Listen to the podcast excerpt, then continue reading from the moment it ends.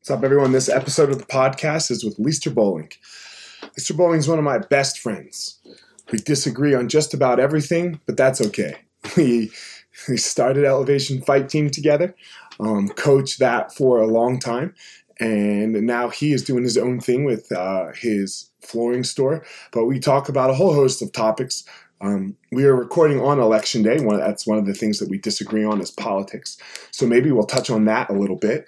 Um, and yeah, so I hope you all enjoy Leister Bowling.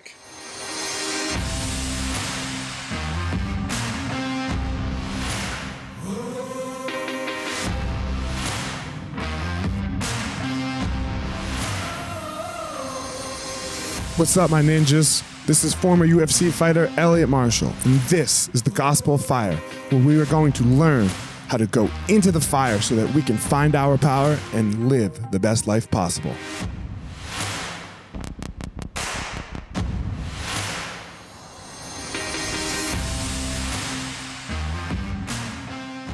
What's up, guys? Elliot here.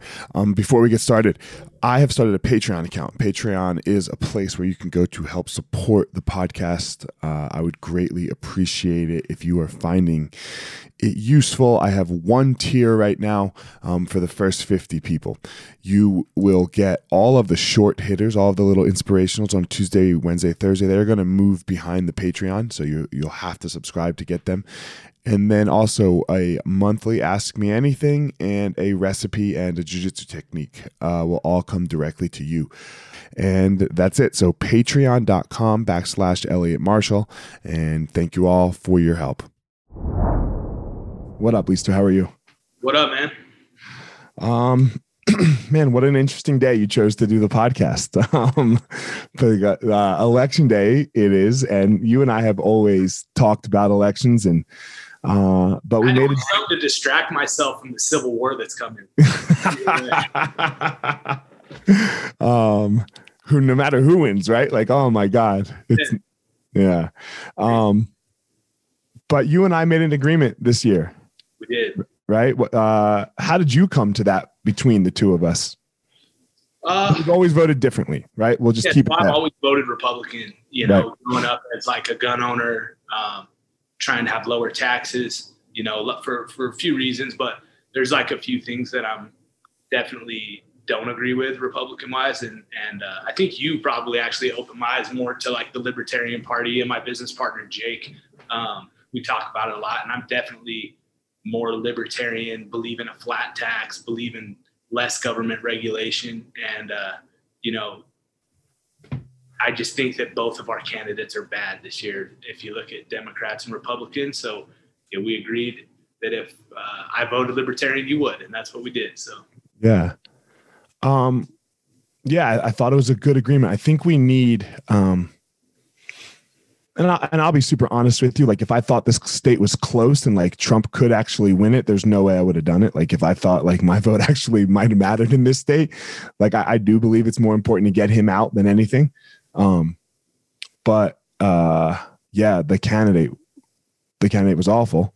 Well, and, and I think I think more people would be open minded to voting libertarian or to a third party if more people just do it. Where you know, like right now, mm-hmm. they're going to win, but the more stuff like that, I don't, I don't know. It, That's how I saw it too people need to see the vote go up. And I don't even know that I agree. Like you and I still, like you said, a flat tax. You and I don't agree on that. But whatever, it's okay. But that's it's okay to disagree on some things, uh, and still vote the same way. They're like super rich, and they're mm-hmm. minimalist. You know, like use reuses his trash bags, washes plastic silverware, and reuses it. And he's one of the richest people I know.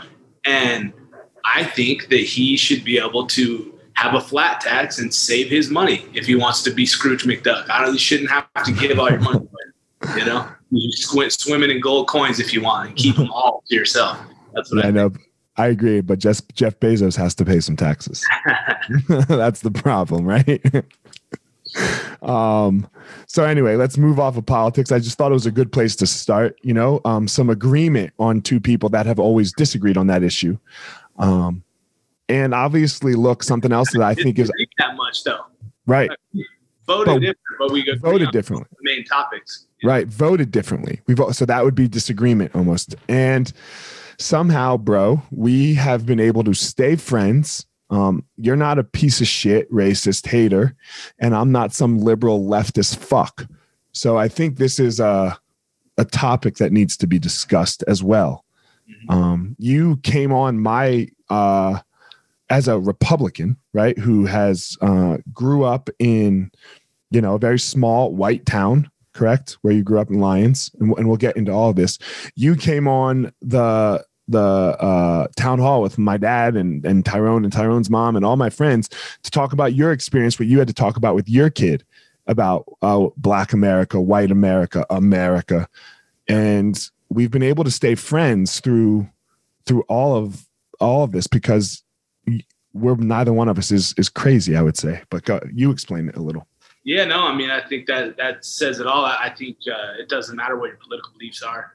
Uh, it doesn't make you a racist. It's tough for me to get grouped into like, uh, oh, you're racist. You you're a Republican or whatever, you know. And I, it, to me, there's reasons that I vote the way I voted, you know, and there's reasons that I did this year too because I don't agree with everything that's going on, um, you know. But I think it's it's uh, it's a crazy divisive time in our country's history and like as a parent as a as a white male in you know boulder county longmont you know wherever i grow up that's predominantly white or hispanic like you know i need to have that talk with my kids about you know black america and some of the things that i've witnessed and and seen my friends go through and the adversity that they've faced over time and you know it's it's not okay to laugh at a racist joke it's not okay to repeat it you know and we're all guilty of it. When I say we, I mean everyone, everyone I grew up with. We've all laughed at a racist joke. We've all repeated them, you know. And I think there's just got to be a time where we say, you know, you, it's it's not funny. It's you know we gotta we gotta stop and until we have those hard talks with our kids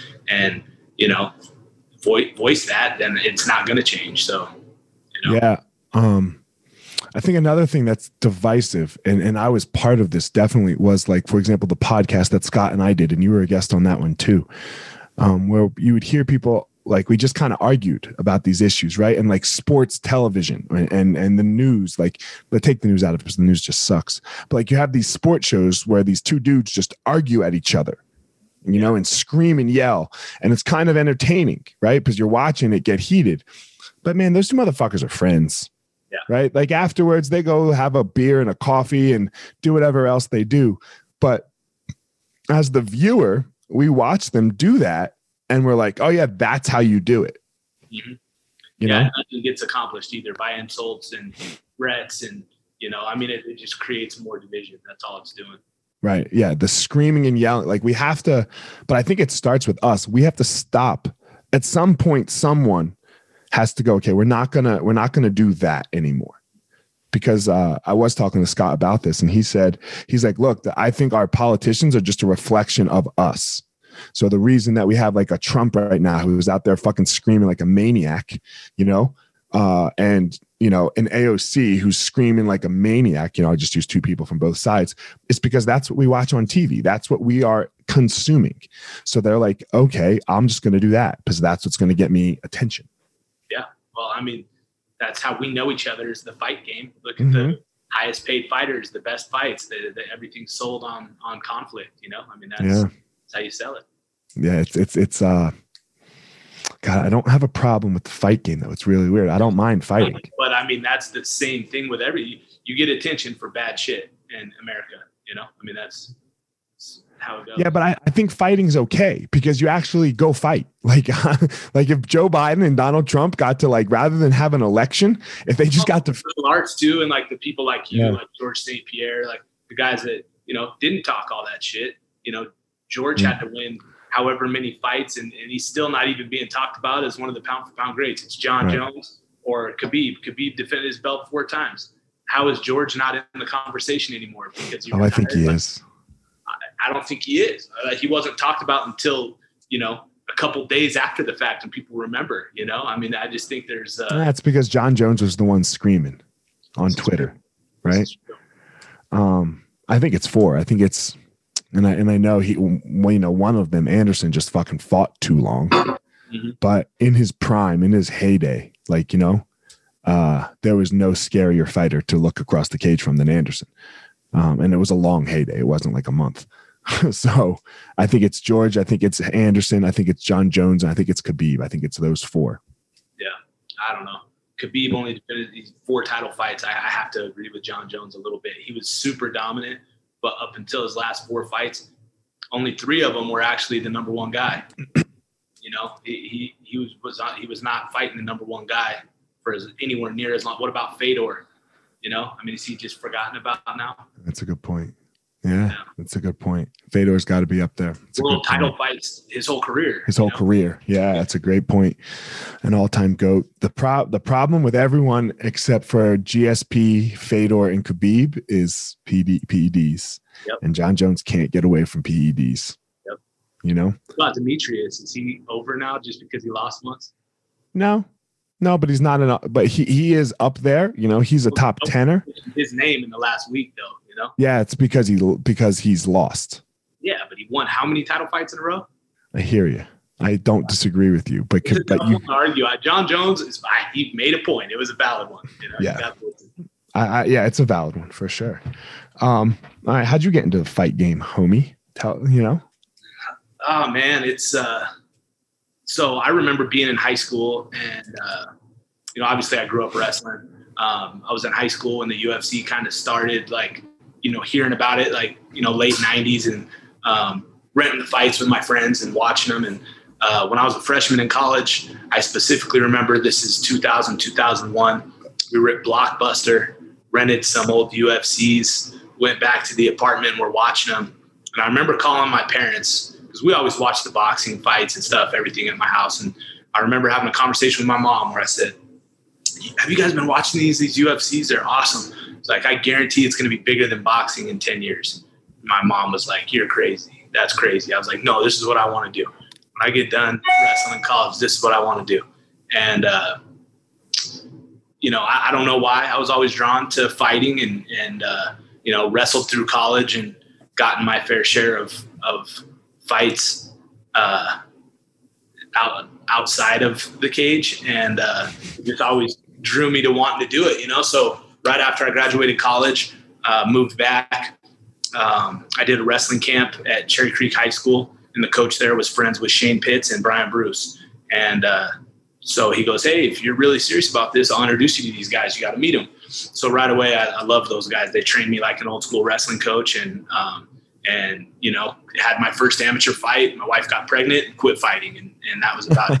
But, uh, my my first experience really though, when I was in college, I coached a wrestling camp in Michigan at Dan Severn's house, and he has this big. Oh, no shit. Yeah, and it's kind of like what I have now. It's this giant steel building. He had like one area was set up with boxing, the middle area was all wrestling the other side had some weights, a kitchen, and some bunk beds. And uh, so these kids, this big old camp, they'd come in, we'd do our session in the day, and then uh, at night he'd have fighters come in and train. And so he was like, "Hey, look like a good wrestler. You should come train with my guys tonight." And I said, "All right, what are we doing?" And he's like, "We're sparring." I go, okay. And I don't even know what that means, right? I don't have any gear, nothing, no cup, no mouthpiece, no gloves. He's like, oh, I got everything you need. I go, okay. So I show up. Like, what do I need? And he hands me like, remember those old school century gloves that have like no padding on them? The yep, bag yep. glove. Gives me a pair of those that are like just shit, old worn out gloves, no mouthpiece, no cup. He's like, all right, go spar with that guy. And I'm like, what are we doing? He's like, you're sparring MMA. I said, all right. And so I just fought this dude for and uh, I've never heard this story. You haven't? No, yeah, dude. So I, I I beat the hell out of this first guy, like bad, you know. And so then they go, oh, you need to go with him. He's six and oh, blah blah blah. I said, all right. So I'm, you know, don't know what I'm doing, throwing haymakers, and next thing you know, I'm behind him and I soup him to his head, you know. And I'm so tired at this point. This is summertime. Like I I don't know how to relax. So I get on top of him and I'm trying to hit him, and next thing you know, I'm in a triangle choke, and uh, and I somehow get my arm out and wrap it around his waist, and I'm thinking Rampage Arona, I'm gonna slam this dude, you know. I'm trying to pick him up, he pulls down my head, and he just grinds my mouth into his cup until I tap out, and I'll never forget because it like my teeth like fucking cut my mouth all up and everything, and then I and then after that I like move my arm and he pulls it across and chokes me and I tap out. And I'm like, what the fuck was that? You know? And that's what really hooked me because I'm like, I was always thought, you know, as a wrestler, you know, I'm gonna beat you up. If I can take you down, I can beat you up, you know? And so that was the first time I'd ever been submitted with somebody on their back and didn't even know what was going on. So that was an eye opener and it was just always super intriguing. Um, so that's kind of what got me into fighting, had that amateur fight. Uh, I was coaching at UNC, University of Northern Colorado. Um, Shane Carwin fought in a ring of fire. And uh, I knew who Shane was from wrestling. He was a national champ at Western State. We had a heavyweight at UNC that was uh, like he made it to the round of 12s at D1s a couple times. So, um, you know, top heavyweight in the country, had no training partners for him. And they announced Shane out of Greeley, Colorado. And I'm like, damn, I didn't know he lived in Greeley. So I reached out to Shane and I said, hey, would you, uh, you know, you're training to fight. Would you want to get some wrestling in? You could come train with our heavyweight, Reese Hopkin. And he said, I'll help Reese Hopkin if you'll help Nate Marquardt and Christian Allen. And I was like, yeah, for sure. So Christian never came up, uh, but Nate started coming up once or twice a week. And then he started bringing, you know, you guys and he brought George St. Pierre and Keith Jardine, Rashad. He started bringing all these guys with him. And um, that's kind of what got me into coaching MMA. Um, you were the first time I would say that the team ever got some structure. You know, uh, first it was us driving to you, uh, yeah. because you were you lived up in Greeley, or right yeah. outside of Greeley. Where'd you live? I lived in Loveland at the time. Loveland, you know? coaching Greeley though. Right. So we would we would drive to you. It sucked, man. It fucking sucked, right? Because we would spar on Tuesdays and Thursdays, and then. uh you know you're exhausted after sparring. You don't want to wrestle. Like there's no fucking way you want to wrestle. And then we would drive up and wrestle. So uh, that's that's no. Or did it start in the judo place first? No no. It was at unc first. And then first. And then, then what happened was uh, i really just kind of became passionate about coaching mma and right i was coaching at unc but i was an assistant and you know it's it's tough to be a college coach and not be there every day. And so I was only going three days a week, and it's just kind of tough, you know. I decided like, hey, if I'm gonna if I'm gonna do this and coach you guys, then I need to just quit coaching UNC and focus on coaching you guys. So first, I got a key to that judo gym, and I moved After, right. Yeah. So I quit at UNC and I started coaching you guys in Boulder, and then we switched it to uh, Easton and Grudge. Right. Grudge was Monday, Easton was Wednesday mornings, right? That's how it was. Yeah, I remember that. Remember when uh, I think GSP was actually there. And the, so whenever GSP is in town, right? Like just like it is now, whenever Alistair's in town, everyone comes, yeah. right? So uh Casey, Amal's ex-wife, came and she kicked Ella in the face with that ball. Do you remember that? Where she just laid her out? I do remember that. like a, the the ball kept going and the kid. Yeah. Yep. Yep. I mean, it was a big ball, and Ella was like one and a half. I do remember.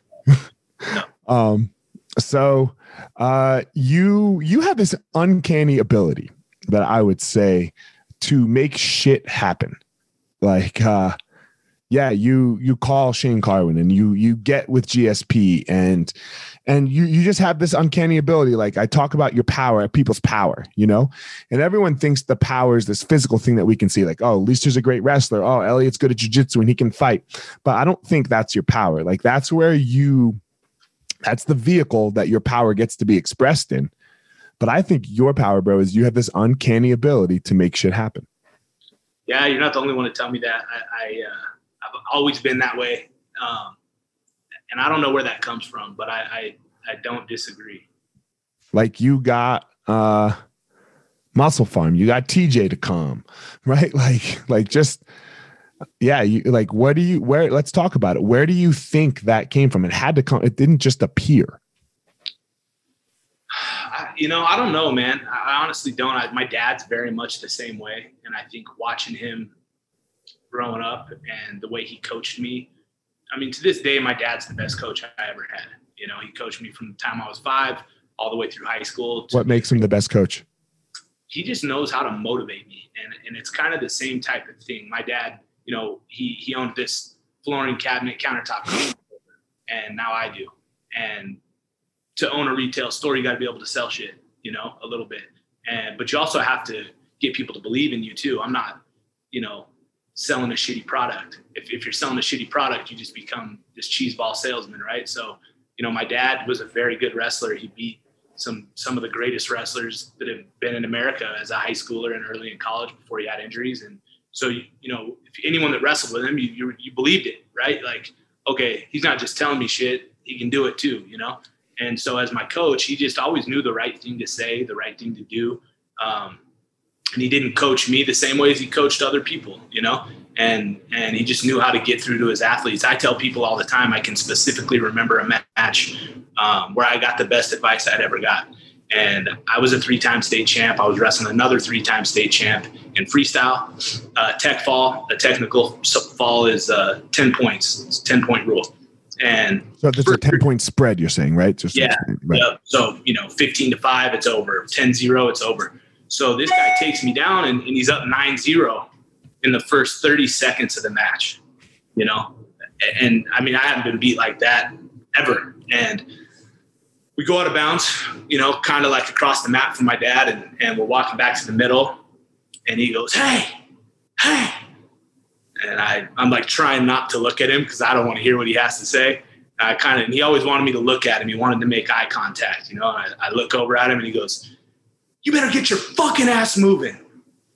I'm like, Yeah, no shit, you know. And, but it kind of like I don't know, snapped me out of this fog I was in, and I tech followed the guy 19 to nine after that, you know, and it and from going down 9-0 to teching him 19 to nine, I don't know, but most coaches would be like, hey, watch his high crotch, and it's still, you know, blah blah blah, and it, like I didn't need to hear that. I needed to hear like, fucking wake up, you know, and and uh, he always knew how to do that in different situations, um, and just knew how to motivate, and he knew how to get shit done. He if we he built a wrestling room at Lyons High School in the parking lot by the football field with volunteers, like because we had to share the wrestling room with the weight room and roll our mats out every day.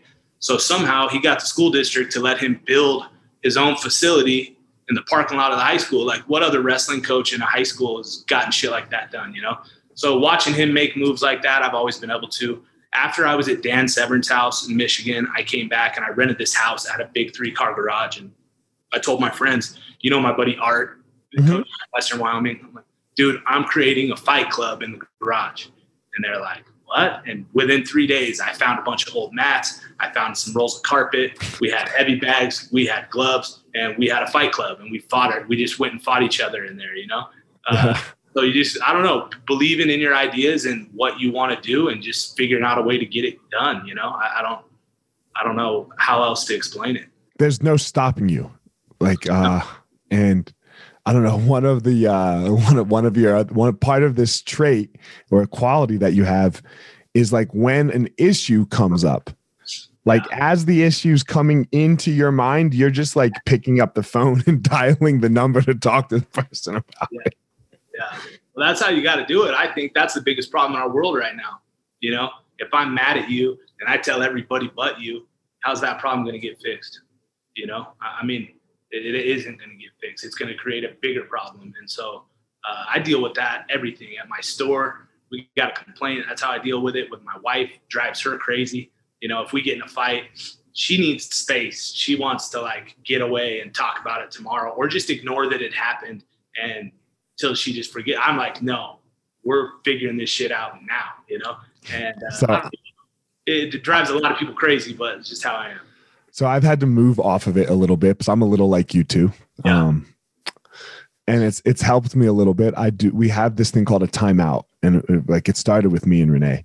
And the timeout means the person who calls the timeout, they have to address it within the next 24 hours. They just can't handle it right now.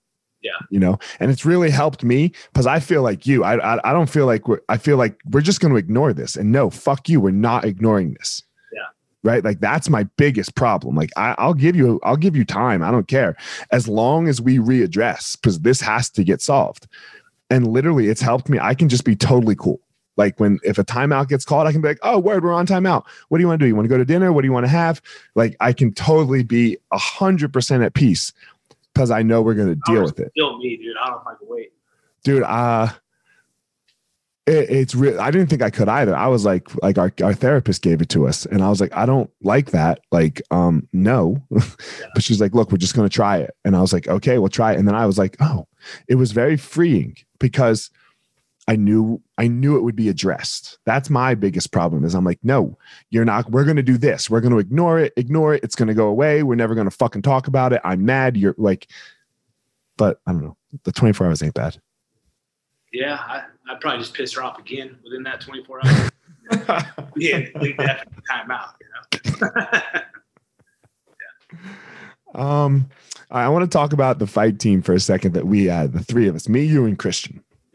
So we left Grudge um, for A, B, or C, and we did our own thing.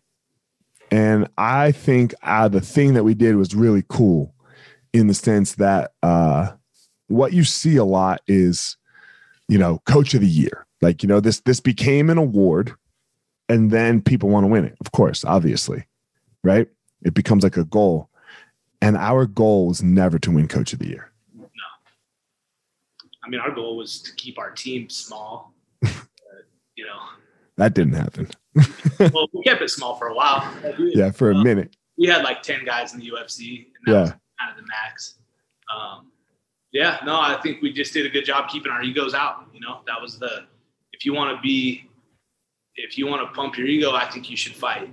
You know, and if you you should be the fighter, and if you want to help guys get better, which is what coaches do.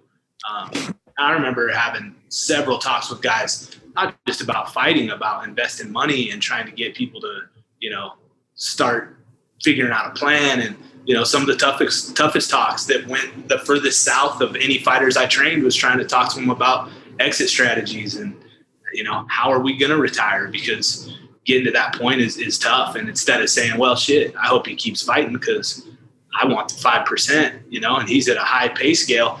Talking about how can we get you to stop fighting, you know, because we actually cared about the guys and and who we're coaching. It wasn't a business. Um, you know, and when it started becoming a business, it's about the time I was like, "See ya, I'm gone. I don't." Yeah, I don't fuck you. Job. Yeah. you left me for you left Drexler for me. I was like, "Oh my god, how at least to do this?" I was out. I was fucking out. I was like, "All right, bye." And then he was out, which I was like, which was fine. But um, so uh, what's but you and I are very similar in our personalities, right? We're both pretty alpha. Christian's Christian's not, but we have Christian who is uh aloof. I mean, I don't know if aloof is the word with Christian. Um, he's an amazing coach, right? Like his technical ability. What's that? One of the best in the world in a one-on-one setting. Right. Um, you know, understanding all aspects of the game better than any coach I've ever been around in MMA. You know, I think he's black belted everything you know? Yeah. And but you know, but he can be like this weirdo over here, right? Like we never saw, we never like he wouldn't let us see his birth certificate or his passport. It's like, yo, the fighter needs your passport, send it to me. He's like, I'll, I'll do it, you know. And you're like, dude, what the fuck's the matter with you? Um, he's probably hiding today. Yeah. Oh my God. Oh yeah, he's gone. He ain't he ain't around for a while. Um, and then you and I are pretty alpha, right? Like loud and and boisterous. But somehow the three of us were able to really keep that together, right? We were able to like, and, and you did you did most of the work on Christian. You were able to curtail Christian, and you and I were able to handle our our shit where we would disagree in like our we we could we like we disagreed often but somehow we worked through that what was that like for you like how did like how did you feel that that connection between the three of us was and what that did for the team. I thought it was great and it was easy. Mm-hmm. know? and shit. I remember the first time i ever met you and we were arguing because uh, shit we might have both been fighting ring of fire. Mm-hmm. and uh, we were arguing about jiu-jitsu versus wrestling. And that was kind of how our relationship started. It, Koscheck versus Diego I think we bet on. We bet on that. We did. Yeah.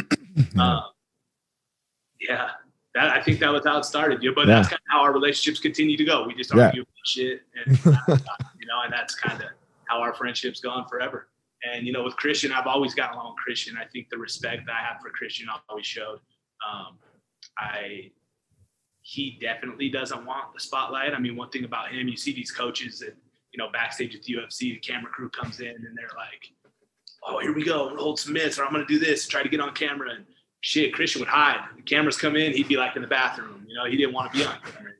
And uh, and that's I think that it all just worked good. We all had a high respect for each other, and you know, and uh, it showed that we were all there for the right reasons. You know. Yeah, and for sure. Grew up for that. You know. Yeah. Yeah, and we got some. It was great. We got some great talent to come through. Yeah. Oh yeah. Um, it was it was cool seeing you know uh and, and, then still some relationships right like you're you're still friendly with tj yeah. um i'm friendly with matt brown still and, and MusclePharm made it easy because yep. they were you know they were helping sponsor the team they were paying coaches they were sponsoring certain fighters um but they took the business side out of it to where it wasn't like it wasn't like, oh, we're going to go train at Easton's and they're going to get all the camera time when the countdown shows are coming, or we're going to be at this guy's gym and we're trying to schedule camera time around people's gyms. It was like, we're in a neutral site that coaches from all over could come in and not feel like they were, you know, betraying their gym or whatever. It was, it was a very neutral, uh, private training facility. There was no fans there. There wasn't cardio kickboxing classes happening, you know, like it was, it was uh, it was there for a purpose, and that was to train professional fighters. And I, it's tough to do that you can't run a, a, business like that. You can't have a facility like that. I mean, it was state of the art facility that um, you know we didn't have to pay for, so that, right. that made it super easy. Money ended up becoming the issue, though. That was the thing. Is is that MusclePharm wanted the spotlight, though? Yeah. Right, and then that's well, what it, it turned into them wanting their own team. Well, they wanted the team. Yeah. Right, and I mean, that's cool. Being happy with the deal, like the the you know they were getting a lot of notoriety and publicity, from camera time from the countdown right. show, stuff right. like that. You know, and it was never a problem. I felt like they treated us very well. Um, oh, it became a problem after you left. Yeah, I wasn't. Yeah, yeah, you. It wasn't a problem for you. I had five meetings with Drexler about him wanting to make sit down on coaches meetings. Oh yeah, yeah. You know, and like then he wanted the team, and I was like, all right, cool, five hundred grand. Yeah. And he was like, what? I was like, yeah. I was like, yeah. He's like, you guys don't make any money. I was like, uh, okay. Yeah. but I thought it was very important for us to control the team. For know? sure. I agree. So, uh, but yeah, it eventually went south because of all those reasons as well. It, it initially made it work very well. Yeah. You know? So, um, what was it like for you to step away? It was great. I mean, there's always the, uh, there's always the certain relationships you miss, you know, um, like Neil Magny for one, like he and I'm back to helping him again a little bit. Um, but just a guy who just one of the best people I know, you know, and right. uh, we had a lot of great times and traveled the world, did all kinds of crazy fights and had some huge upsets, beating Hector Lombard, Johnny Hendricks, Carlos Condit. You know, there was all these guys that um, you were in the Condit camp still? I, I, was at, that was the first fight after I quit, I think. Okay. I was there though. That was the first Got one and watched him as a fan. Got so, it. Okay. Uh, yeah. So uh, Kelvin Gastelum on two weeks notice, like in fucking like, Mexico right in Mexico. Monterrey, Mexico. Remember yeah. that? And every it was the second Mexico card, and everyone on the whole card before got sick. Yep. Right, like because there was, you know, so we're all like in there, like being all careful, not brushing our teeth with the fucking water, with the fucking water coming out of the sink. Yeah. No, everyone was so sick. Well, shit, and then I mean Australia with uh with Lombard, mm-hmm. Lombard Australia, that was crazy. I'm watching him get food poisoning in Manila, and then puking in the locker room and I mean, as black as Neil is, he was pale. He was like my color. He was like white as you. I wasn't there, but I like. I remember I didn't go to that one, uh, and I was watching it at home, and you guys were all sick. Yeah. And Neil looked awful. You and Christian, I don't know what the. You guys look like ghosts. You were just like leaning over the cage, and I was like, "What the fuck is going on?" Like he puked in the locker room. Like as I mean, he's ready to walk out, and he's puking. He looks over at me scared. And I said, Well, at least you got that shit out of your system. You ready to go fuck this dude up now? Let's mm-hmm. go. You know, handed him a thing of water and he kind of looked at me like, Oh shit, I, I gotta go fight now, you know. Went out and had a great performance. But those moments are, you know, they're moments that I'll cherish forever, you know, not just his, but the, right. he, there was so many with him. And uh, it's tough to walk away from guys like that, you know, especially when they're at the peak of their career. Um, but I did it because I traveled 26 times in 2016 for fights, you know, and that's half the year gone and I have Yeah, but you made 80 grand. Yeah, well, I don't, I don't need it that bad. So my my son, my well, both my sons, you know, but Leister was getting to a point where he was starting to wrestle a lot and I was missing too much and you know, being gone from my family for half the year, I can't buy that time back, you know. And now he's he's in eighth grade right now. In the last four years, instead of traveling the world with everybody and coaching and putting my soul into that, I'm able to put it into him. And you know, we've been traveling and coach getting all kinds of great opportunities with some of the best wrestlers in the country, and really putting that focus on him. And and you know, my youngest Slade, and getting him into jujitsu and being able to go watch him, go watch his practice. That shit I never would have got to do, you know. And so I can always go back and coach MMA, but I can't go back and get those years back, you know. So it's it hasn't been a, a choice that I regret at all. I actually talking about me, you know, having something in my mind and doing it right now. Uh, it was Thanksgiving. I was visiting my grandparents. It was the first week off that I had taken as a coach, where I said I'm not coming back, and I went went to. Uh, uh, it was nine days off I took. Went to Kansas City and then went to visit my in-laws in Omaha. And when I was in Kansas City, I I look over. We were in this loft that my grandparents have, and both my kids are sleeping there. My wife's sleeping there, and I was like, man, all these all these family vacations that they've been doing without me. They've been going and visiting her parents, and then I'll fly in for like a day and drive home with them or whatever. I've been missing a lot of this shit, you know. And and so I wrote like a, a retirement statement from coaching that night, and I said I'm going to think about this till Christmas, and if I still feel the same way, then then I'm telling the team. And I thought about it, and it was the week before was it UFC 200 we had three guys fight on? Is that what it was? No, it was TJ uh, Neil and Thatch all fought. TJ Neil and Thatch was in Vegas. Tony. No, it was Tony. No. no, TJ. you're right. Yeah, yeah. No, it wasn't 200. Well, it was, it was February, Super Bowl weekend. It was Super Bowl weekend. New Year's Eve card. New Year's like, Eve. Okay. So I told them like the day after Christmas, I told the whole team I'm done, right. you know? And, uh, and then I gave that statement to Ariel and, uh, and that was it, you know, never, never thought twice about it. Yeah. Good. Yeah. I mean, it it proves the uh doing it for the right reasons almost, right? Because I mean, we weren't most people get fired, right? Yeah. Or or the team becomes unsuccessful when we were, when we were on the rise. we were time. on the rise, right? We were on the rise, and that you're like, all right, this ain't working for my life. And as far as the money goes, like I'm, we made good money those last three years, but like I told Neil, I'll, I'll help him right now. I'm helping mm-hmm. him twice a week. And I said, but the only way I'll do it is if I can do it for free because I don't want it to become a job. And he has right. to me. And you know, I have a facility at my house now. I'm not driving to Denver. You know, he's got to come to me at my schedule and and I'm gonna do it for free because I, I don't I don't want it to be a job. I want to help him because I want to help him. You know. Once you tie money, yeah, it, it really fucks things up in in you know in this fight game. It's it's part of the reason I think things go poorly, yeah. some for a lot of people. Um, yeah, I don't know. I, I feel the same way about jujitsu. Like uh, I teach private lessons almost all day sometimes, and uh, I don't. I won't take money because I don't want to have to do it. Right. Like I, I like doing it. I love doing it. So it's like, all right, I'm gonna go train with this person. Hey, Thursday at five. I got to be there Thursday at five, and if I'm not right. being paid, I can say, hey, we got to do Wednesday this week. You know. right. Yeah. and you can either do it or you can't do it. It's up to you. You know. So yeah, I I, I feel you on that. Um, so what you now have this this team of kids, mm-hmm. right? Like that uh that you coach wrestling to, and what what has that trans? What's that? Do I was doing this the whole time. So right. I was coaching kids the days I wasn't coaching fighters, and I've been doing that for ten years. Um, yeah. But you've really built this team up. So what has what's what's that experience like? Because you get to have your son on it you know and, and things like that. What is the experience of working with these kids been like? Different experiences. Coaching the kids is great and coaching my son is so tough. Okay.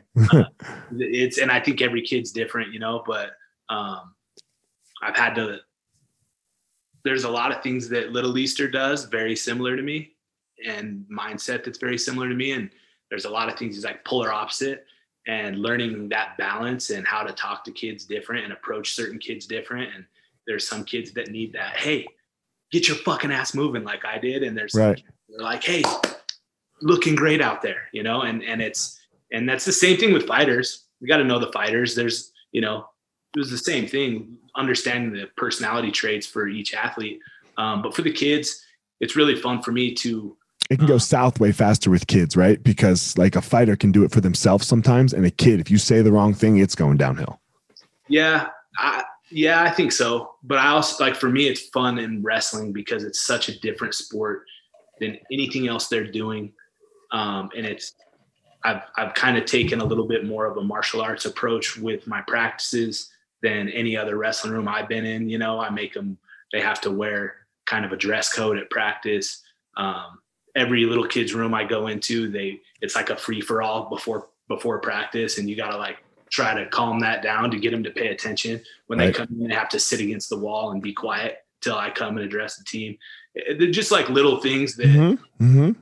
you know that I think is very important. Um, they shake all the coach's hand after practice, like that. That wasn't something that that happened when I was a kid, you know. Um, but also just teaching them how to be tough, you know, and I don't care if they're six years old or 16 years old. Wrestling teaches toughness like no other sport out there. And uh, I think that's why you see more wrestlers able to adapt to jujitsu or adapt to striking or whatever, or adapt to going to school and becoming a doctor or whatever it is, right? Like, in that discipline you learn from wrestling, that mental toughness. Uh, it's a lot harder for somebody who did jujitsu their whole life to come in and learn how to wrestle because you learn more of a passive style of grappling. And then when you get put in this grinder, it's very tough to deal with. And uh, God, you're doing so well now. You ha- now I have to disagree with you, but go ahead. No, let's hear it, bro. Let's hear it. Because I heard you on the Ultimate Fighter say, because I said such a pussy. You said, I'm fighting Ryan Bader. He's a wrestler. A wrestler's going to find a way through the wall. A jiu-jitsu guy's going to find his way around the wall. This is exactly what I'm talking about. Yeah. Well, eventually, one's right or wrong, but that mental you don't get from anything else. I agree. It's it's. I will a hundred percent agree with you. It is the greatest builder of that. There's nothing that can build it like that. Um, in the nuances, I think you have to learn how to how to shift as well. And sometimes I, th- you know, I think that can be the the downfall of the wrestling. Well, I uh, think, and I 100% agree with that. I mean, there's certain right. guys that they say they're going to fight and i look at their body style and i'm like you know I, I hate to name somebody and throw them out there because i don't know if they have any fighting ambitions or not but ben provisor was a couple time olympian in greco. Right. 185 pounder but he's like shorter than me you know? And he came and trained with the team at MusclePharm a couple times and he was like yeah when i'm done i'm going to fight. And i was like well that's great. He's olympian you know? Like you're cream of the crop in greco. But like I just couldn't imagine him fighting a 185 pound. I mean, he's never going to be able to get close enough to hit him, you know? So right. it's, uh, right. it, and that's a, unfortunately like the wrestler's build, you know, but mm-hmm. anyway, you know, wrestlers can learn jujitsu easier than jujitsu guys can learn wrestling. Oh, I'll disagree with you. Yeah. Well, you guys learn how to play the top well. I'm okay. Takedowns let's just say takedowns, right? Like the grind of wrestling is the takedown. Oh, top and bottom is a complete. You don't even know because like the difference between uh, top and bottom and what what sport are we talking? Freestyle, Greco, collegiate. There's three yeah. different. There's no top and bottom of fighting of jiu-jitsu. Yeah. You guys don't learn bottom jiu-jitsu very well. Really grappling though, like it's it's easier for guys to learn how to do it. I, I firmly believe that. You yeah. ain't convincing me otherwise. You're not going to convince me otherwise either. This is how we roll. all right, man. That's it. I appreciate it. It was a fight, though, how are you going to get it to the ground if you can't take me down? You, that, that's not how the takedowns you get in the UFC. I don't know, two. Uh-huh. And you had some of the best jiu-jitsu in the UFC. Yeah, I know. Maybe I should have had a better wrestling coach. Maybe. Maybe. how many takedowns did you attempt? Uh, two. I should have told you guard. I know I should have. Yeah. I mean, I should have done it more. I mean, we know what my issues were, right? Like this isn't a podcast about me. It, it, it, it comes out all, it, comes out often, right? But my issues were I didn't believe in myself in a way that was necessary. Um, well, but then at the same time, you took the hardest way about it. You're going to fight strikers and stand with them the whole time. Mm, no, I fought I fought grapplers too, though, right? Like the only striker that the only two strikers I really fought were Vera and and Luiz Cané. I didn't lose to Vera and Luiz Cané, I got my ass kicked, but that was a mental thing. Yeah. Um, but like Vinny, I wasn't going to grapple with Vinny. Vinny's a you know better grappler than I am. Fucking Brilz, I should have grappled with Brilz. That was a mistake. Yeah. But I was coming off the Vinny fight, and uh, I was like, oh, What's that? Bader, you know, fighting a wrestler? Ah, Bader. Bader was before I, I had any skills. You know, I was I was the ultimate fighter, and I couldn't wrestle. I couldn't wrestle a fucking lick. Like he would shoot, and I would stick my butt out, like just sit down. yeah. Um. Anyway, man, I appreciate you coming on uh, being open about like uh, you know the the politics on the first end, and then like you, your kids, and it's just uh, you've had such an influence on the martial arts scene, especially the MMA scene uh, in, in Colorado. So it's good to get you on and and let everyone hear the story of some of the beginnings of uh, of how this I would say the the whole team started. So yeah, I appreciate it, man. Having me, man. Appreciate it. Yeah, for sure, guys. If you live in Boulder, Atlas Flooring, go check it out. Um, you'll be a much easier customer than my wife, and and Leister does an amazing job with her. Or mine. or yours, exactly. so, uh, guys, uh, if you want to reach out, Leister, tell everyone if they want to reach out to you where they can find you, things like that. Uh, just Facebook or whatever. Leister okay. Bowling on Facebook. Yep. Cool. Cool. All right, guys. As always, um, Leister has his own power. I have my own power. Don't go out there and try to be Leister. Don't go out there and try to be me. You go out there and you find your power. All right, everyone, thanks for listening to this episode of The Gospel of Fire. If you enjoyed the episode, I'd love a review on iTunes or wherever you are listening to this podcast. Don't forget to follow me on social media at Fire Marshal 205. If you're a BJJ enthusiast, check out my YouTube channel. I put all kinds of instructional DVD uh, videos out on there, so go check it out. My book is still out on Amazon by the same name as the podcast, The Gospel of Fire. So if you are interested, go check out that. And most importantly, guys, go out there every day, find your power. Thanks a lot. Guys, look, I get it. I totally get it. You opened a martial arts school, and man, it's kind of crushing you. There's all this other stuff to do other than teach, right? you love teaching. You love jujitsu. You love Muay Thai. You love karate. Whatever it is you're you're teaching. And man, but there's all this other stuff. There's there's the front desk. There's there's taxes. There's curriculum. There's cleaning. There's there's problems, staffing, covering. Whew, man, it's so much. It's so much. Well, let me tell you, uh, we have started what's called Easton Online, and Easton Online is here to solve all of these problems for you. Easton Online is a digital academy for martial arts school owners and managers. Will help you establish or enhance your business with best practices. Most importantly, we're going to help you get back to what it is that you love most teaching and doing martial arts. Okay, so for more information, guys, go to easton.online. Again, that's easton.online.